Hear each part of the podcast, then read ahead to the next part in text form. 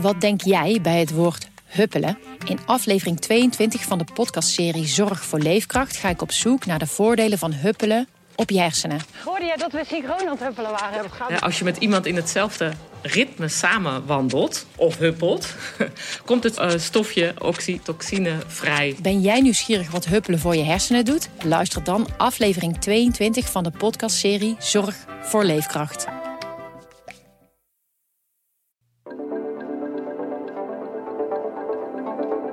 Eind van de zomer kwam men erachter dat die heuvel geen 30 meter, maar 20, 21 meter hoog was. De laatste maand hebben ze links en rechts wat grond vrij weten te maken in die voormalige polder, waardoor ze nu op ongeveer 25 meter zitten. Maar je komt nog altijd 5 meter tekort. Het is dus wel weer een nieuw hoofdstuk in het hele dikke dossier dat Hedwigepolder heet, hè? Ja, elke bananenschil die er ligt, daar glij je over uit in dat project lijkt wel. Vanaf de redactie in Middelburg is dit de PZC deze week. Mijn naam is Rolf Bosboom. Sinds vorig jaar stroomt er water in de Hedwigepolder in Zeeuws-Vlaanderen. Maar daar is ook een enorme berg verrezen, de zogeheten panoramaheuvel. Er is alleen één probleem. De berg is niet hoog genoeg.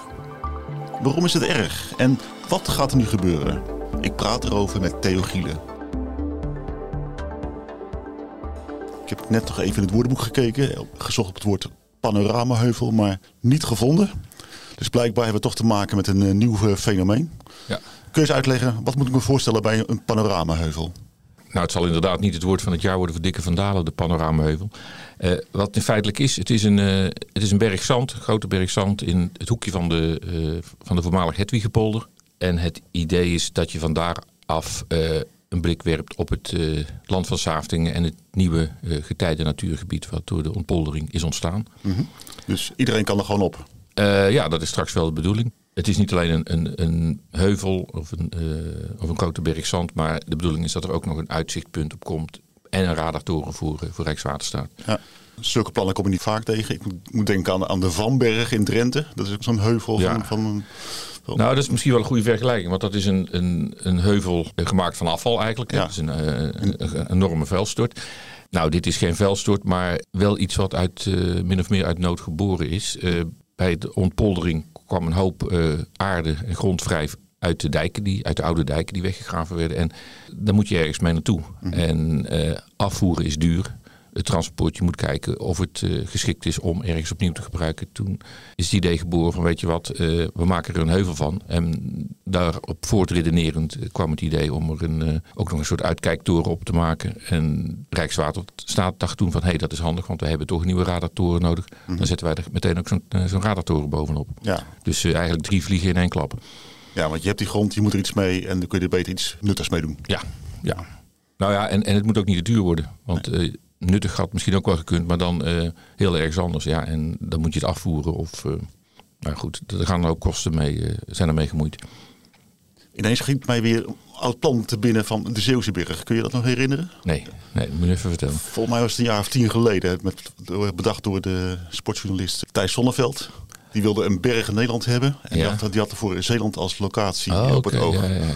Maar dat was een berg van twee kilometer hoog. Ja. Maar was, was het niet in Flevoland? Ik zit even te denken. Ja, had meerdere plekken op in beeld. En ook Zeeland werd toen genoemd. Oké. Okay. Een soort Mont Ventoux, maar dan in, uh, in de polder. Ja, ja. dan moest er volgens mij een holle berg komen. En waar je dan als wielrenner tegenop kon rijden. Of als skier vanaf kon skiën. Ja.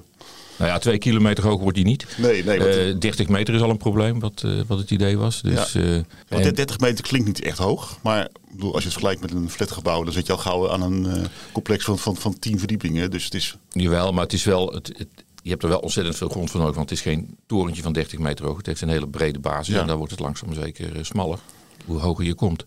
Wat bijvoorbeeld de Vlietberg, daar moet ik even aan denken. Die lijken ook hoog, maar die zijn meestal een meter of tien. Dus het is ja. nog een stuk hoger dan een Vlietberg. Ja, ja dit is een, en als je er nu bent, ziet het er ook best, best hoog uit. Alleen, uh, ja, het bleek dus niet hoog genoeg te zijn. Nee, want 30 meter zou die moeten worden. Hoe hoog is die nou gebleken? Hij, hij is, uh, even kijken, of voor het eind van de zomer kwam men erachter dat, dat, uh, dat die heuvel geen 30 meter, maar 20, 21 meter hoog was. Nou, uh, de laatste maand hebben ze uh, links en rechts nog wat, uh, wat grond vrij weten te maken eh, in die polder, of die voormalige polder, waardoor ze nu op ongeveer 25 meter zitten. Maar je komt nog altijd 5 meter tekort. Mm Oké, dus 25 meter plaats van 30 meter. Dat, dat, klinkt niet als een heel groot probleem, maar blijkbaar is het dus wel een probleem. Ja, voor het uitzicht maakt het niet zo heel veel uit of je nou op 25 meter hoogte staat of 30 meter. En er, er komt toch nog een toren bovenop. Maar het probleem is dat Rijkswaterstaat een hoogte nodig heeft voor die uh, radarantenne die daar ronddraait om het scheepvaartverkeer in de gaten te houden. En ja, die komt dus nu vijf meter lager. En de vraag is dan, hoe los je dat op? De toren misschien hoger maken? Dat zou kunnen, maar dat schijnt erg duur te zijn. Dus uh, er wordt nu gekeken om ja, toch uh, ergens grond vandaan te halen om die hoogte van plus minus 30 meter te halen. Ja. En weet jij zo uit je hoofd hoeveel zand ze tekort komen? Nou, niet uit mijn hoofd. Dus ik heb even de brief van uh, gedeputeerde staten erbij gehaald. de laatste brief waarin over deze heuvel is gesproken. En er staat dat er afgelopen zomer een tekort was van 54.000 kubieke meter grond. Even voor het beeld, dat zijn iets van nou, 2500 tot 3000 uh, kiepwagens vol met zand. Uh, maar die 54.000 moet je zien in het perspectief dat voor die hele heuvel bijna 700.000 kubieke meter nodig was. Ja. Dus het is het, het topje Top, topje van de berg. Het topje van de berg ontbreekt. Uh, maar goed, het blijft nog steeds een behoorlijke, uh, behoorlijke hoeveelheid grond. En uh, er schijnt nog grond te liggen uh, in België, wat uit de Prosperpolder komt. Die samen met de Hedwigpolder nu dat, dat nieuwe getijden natuurgebied vormt. Die grond zou nu gebruikt kunnen worden om die 30 meter alsnog te halen. Ja, maar dan, dan moet je die feite grond importeren, want je gaat wel over de grens heen. Ja, ja, ja. En ehm, maar de redenering is van het is uiteindelijk toch één gebied. Dus ook al moet je de grens over, uh, je haalt eigenlijk grond uit hetzelfde gebied. Dus zou wat dat betreft geen probleem hoeven te zijn. Maar daar lopen de meningen ook wel over, uh, over uiteen. De vraag is natuurlijk ook van hoe kan het nu dat die berg, die heuvel, minder groot is geworden dan bedacht? Ja, gewoon niet goed, goed berekend, niet goed ingeschat. Dat is, uh, dat is wel duidelijk. Ja. die heuvel is langzaam maar zeker een beetje ingezakt. De grond klinkt in, zoals mm -hmm. je dat ook bij andere weg- en waterbouwprojecten hebt. En dat is harder gegaan dan ze, dan ze gedacht hadden. Ja. Maar het kan ook zijn dat er gewoon minder grond was dan uh, gedacht was. Want ook uh, bij het plannen maken zag je verschillende hoeveelheden kubieke meters voorbij komen. Mm -hmm. Ja, je moet dus inschatten hoeveel grond er wordt afgegraven. En je moet ook inschatten hoe ver die grond inklinkt, inzakt. Ja, ja. En daar is dus het een en ander misgegaan. Nou, dat, dat, dat, is behoorlijk tegengevallen. Ja, dat is ja. uh, 20 in plaats van 30 meter is wel een verschil. Ja. Wie is nou eigenlijk verantwoordelijk voor de hele uitvoering van dit project? Nou, het is een ingewikkeld uh, verhaal, omdat je over uh, een project spreekt waardoor twee landen tegelijk wordt uitgevoerd. Maar de hele uitvoering is in handen gegeven van de Vlaamse Waterweg, zeg maar een soort Vlaamse Rijkswaterstaat. En Nederland, de provincie Zeeland, zijn slechts uh, toezichthouder. Dus die, die hebben niet direct contact met aannemers om, om te kijken van nou, lukt het allemaal wel. Het gaat allemaal wat dat betreft via via. Dus ze kijken toe uh, of het goed gaat. Hopen dat het goed gaat. Maar ja. en moeten ze bijvoorbeeld ook gaan bijbetalen, want dit gaat ook weer extra kosten, neem ik aan. Ja, vorige week zei de gedeputeerde Arno Vaal dat het 4 ton kost, 400.000 euro.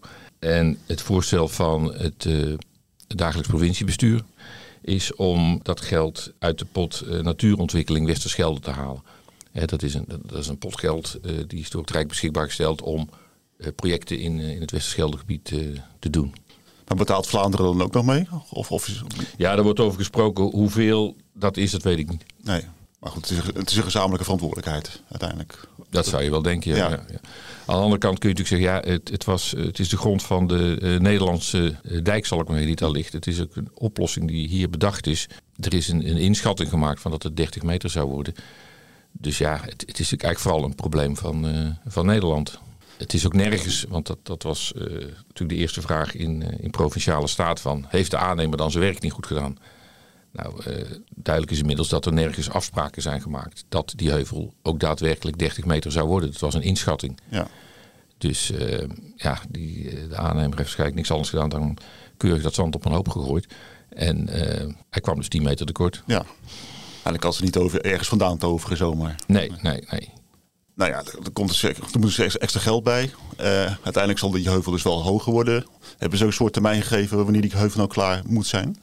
Ja, volgens mij is het idee dat het dan eind volgend jaar uh, zou moeten zijn. Het is dus wel weer een nieuw hoofdstuk in het hele dikke dossier dat Hedwiggepolder heet. Hè? Ja, elke bananenschil die er ligt, daar glij je over uit in dat project lijkt wel. Of het nu uh, daadwerkelijk is, omdat ja, in het geval van deze heuvel het technisch niet helemaal uitkomt. Maar ook ja, het hele project is uh, omstreden geweest en eigenlijk nog steeds wel een beetje omstreden. Alleen Eind vorig jaar is, uh, is het water uiteindelijk de polder binnengekomen. En toen had iedereen toch wel eens een beetje iets van, ja, nu is het wel, uh, nu is het wel klaar. Uh, het is gebeurd.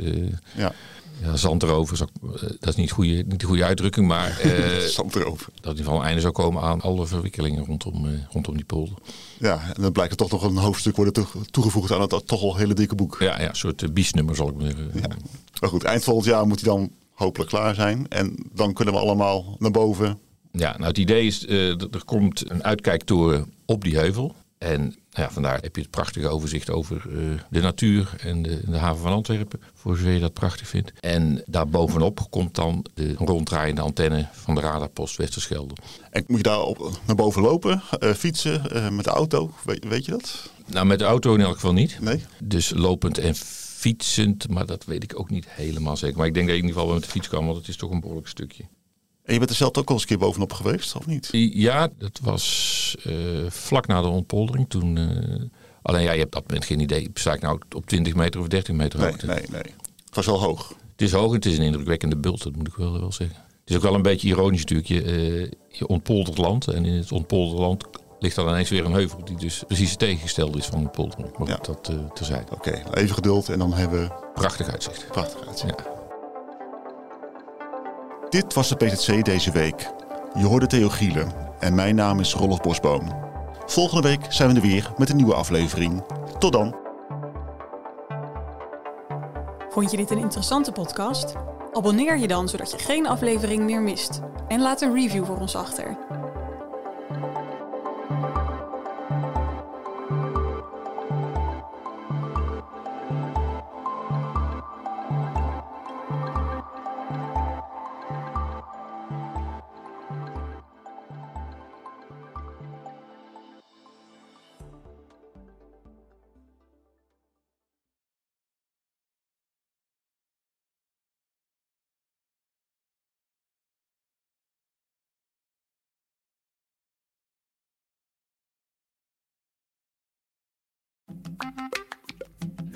Wat denk jij bij het woord huppelen? In aflevering 22 van de podcastserie Zorg voor Leefkracht ga ik op zoek naar de voordelen van huppelen op je hersenen. Hoorde jij dat we synchroon aan het huppelen waren? Ja, als je met iemand in hetzelfde ritme samen wandelt of huppelt, komt het uh, stofje oxytocine vrij. Ben jij nieuwsgierig wat huppelen voor je hersenen doet? Luister dan aflevering 22 van de podcastserie Zorg voor Leefkracht.